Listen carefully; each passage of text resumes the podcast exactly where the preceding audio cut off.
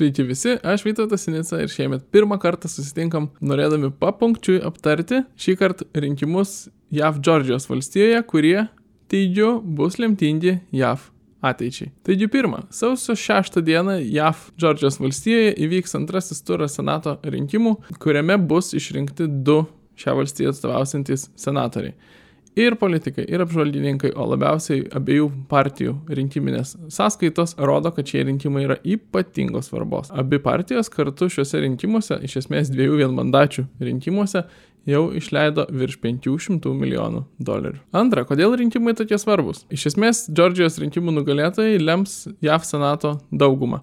Šiuo metu JAV senate yra 50 respublikonų ir 48 demokratų atstovai. Taigi respublikonai turi daugumą. Tačiau likusios dvi apygardos ir jeigu jas abi laimi demokratai, demokratai išlygina mandatų skaičių ir tokiu atveju daugumą senate, o taigi ir visų komitetų, komisijų, kitų organų ir paties senato vadovybė nulėmė senatui pirmininkaujantis viceprezidentas po JAV prezidento rinkimų būsimasis senato pirmininkas bus demokratė Kamala Harris. Taigi, jeigu abi likusias neaiškės apygardas Džordžijoje laimi demokratai, demokratai perima daugumą JAV senate. Trečia, tai būtų dar niekis, jeigu ne dabartinės JAV politinės aplinkybės.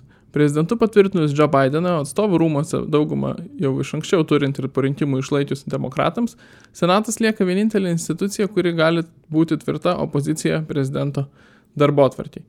Ir jeigu senate bus oponuojanti prezidentui dauguma, jis pagal konstituciją turi visas galės sustabdyti prezidento politinių planų įgyvendinimą. Jeigu senatas turės palankę prezidentui daugumą, prezidentas galės įgyvendinti iš esmės viską, ką norės. Tačiau ketvirta ir tai dar ne viskas. Būtent šiemet labai svarbu, ar senatas sugebės priešintis prezidento siekiams, nes šie siekiai yra neįliniai. JAF visuomenėje atvyro nuotaika ir suvokimas, kad iš esmės per artėjančią kadenciją spręsis JAF sąranga ir ateitis. Demokratų partija šiais metais per rinkimus žadėjo įvairiausius dalykus, tokius kaip panaikinti rinkikų kolegiją, kuri yra vienas iš pamatinių dalykų JAF konstitucijoje, teikti valstijos teises ir atitinkamai atstovus senate e, sostiniai ir Puerto Rikui. Galiausiai ir svarbiausiai, demokratai žada, jog aukščiausiasis teismas būtų išplėstas tiek, kiek reikėtų, kad jame būtų galima sukurti vėl liberalią kairėje daugumą. E, šis klausimas jiems tapo ypač opus po to, kai e, prezidentas Donaldas Trumpas per savo kadenciją suformavo ten konservatyvę daugumą ir akivaizdu, kad ji ten yra ne vienam dešimtmečiui. Aukščiausias teismas galėtų būti pagrindiniu saugikliu ir atsvara nuo bet kurios valdžios savivalės, Tačiau, kai demokratai pasako, kad jie yra pasiruošę iš esmės keisti ne sudėti, o sąrangą aukščiausiojo teismo, e, tai reiškia, kad jie yra pasiruošę keisti bet ką, kad tai galėtų gyveninti savo darbo atvarkę. E, vadinasi, Senatas lieka vienintelė įmanoma visam tam sutrukdyti galinčią instituciją. Penkta, atrodo keista, kad e, vieno ar poros balsų dauguma gali lemti tiek daug. Europoje, Lietuvoje, beveik visur esame įpratę kad parlamentarai dažnai nedalyvauja balsavimuose, dalyvaudami balsuoja laisvai, nebūtinai pagal partinę liniją. JAV senate taip nėra. JAV senate ypač svarbiausia balsavimuose dalyvauja visi ir balsuoja beveik visada tiksliai pagal partinę liniją. Diskusijos būna apie tai, ar vienas, galbūt kitas e, parlamentaras gali balsuoti kitaip, bet ir tai vyksta, na, tais klausimais, kurie nėra esminiai jų partijų darbo atvarkėse. Taip nebuvo visada. Per visą 20 amžių ir ypač 21 amžiuje tolydžio vis labiau ir labiau buvo balsuojama pagal partinę liniją. Jeigu 20 amžiaus viduryje gana dažnai būdavo balsavimų, kuriuose respublikonai balsuodavo kartu su demokratais, demokratai kartu su respublikonais ir tas balsavimas pasiskirstavo įvairiai, daugiau lemdavo diskusijos, daugiau lemdavo argumentai, dabar visa tai yra nuėjo į praeitį ir iš esmės yra balsuojama griežtai pagal partinės linijas. Ir todėl net ir ta, tarkime, vieno mandato dauguma yra viską lemianti ir abi partijos pagristai mano, kad ją turėdamos galėtų nulemti savo norimus sprendimus. Šeštą reikia paminėti, nes dažnai klausima, jog tiek Senatas apskritai, tiek jam vadovaujantis kol kas Maikas Pensas galėtų netvirtinti JAV prezidento rinkimų rezultatų ir jeigu Joe Bidenas nebūtų patvirtintas prezidentu, tai ką čia aptarėme, visa ta Džordžijos rinkimų svarba, na, švelniai tariant, sumažėtų. Tačiau tai yra labai mažai tikėtina. Šiuo metu JAV senate yra 13 respublikonų grupė siekianti nepatvirtinti JAV prezidento rinkimų rezultatų, tai yra gerokai per mažai. Atitinkamai viceprezidentas ir senatui vadovaujantis Maikas Pensas taip pat, na, nėra tas žmogus, kuris ryštusi tokiam kontroversiškam sprendimui. Ilgus metus būdamas Indianos valstijos gubernatoriumi, jis nekarta išsiskyrė pasidavimu spaudimui, ypač e, plačiai buvo nuskambėjęs atvejais, kai JAF įteisinus vienalytę santokas ir įvairiose valstijose prasidėjus kovoms dėl E, religijos laisvės išplėtimo ir žmonių galimybės nedalyvauti organizuojant e, vienalyčių santokų ceremonijas. Toks įstatymas buvo priimtas ir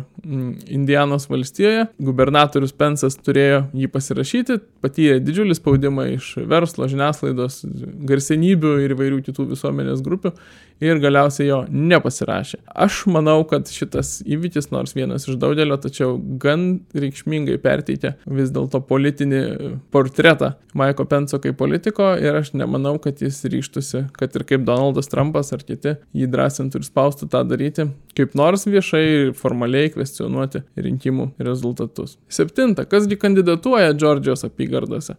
Kandidatuoja abiejose partijose nuseklus ideologiniai savo partijų platformų atstovai.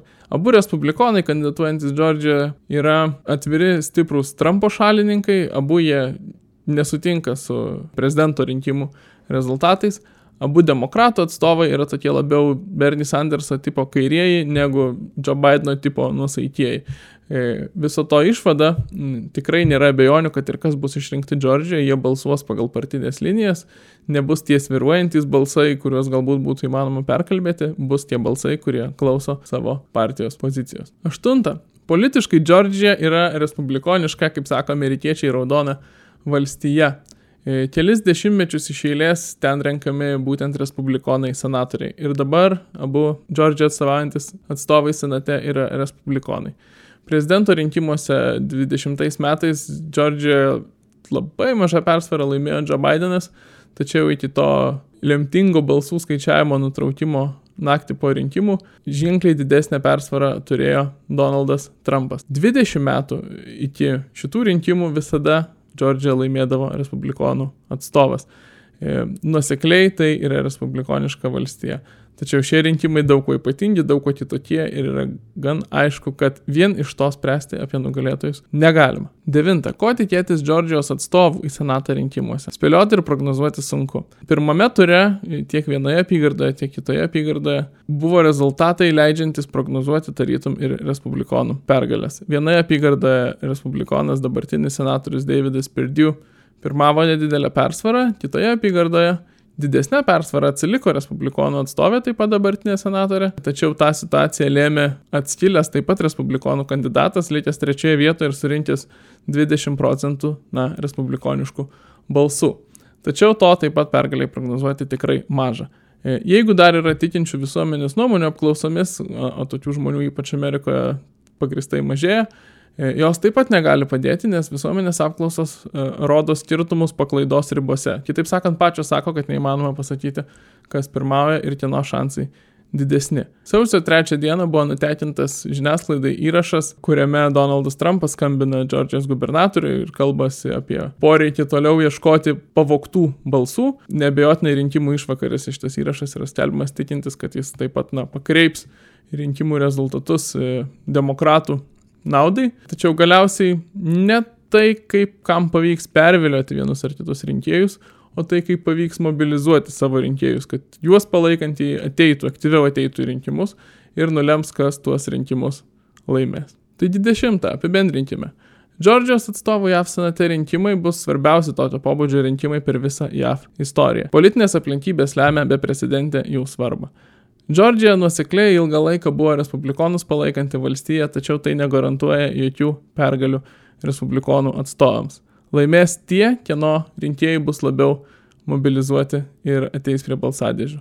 Tačiau, kad ir kurios partijos atstovai laimėtų šiuos rinkimus, jų balsai, būtent jų balsai ir jais nulemta dauguma, lems ir JAV politinę ateitį. Ačiū, kad žiūrėjot, prisijunkite prie mūsų vis augančių YouTube prenumeratorių gretų, remkite mus Patreon platformoje ir iki kitų susitikimų šiais naujaisiais metais. Sudėjau.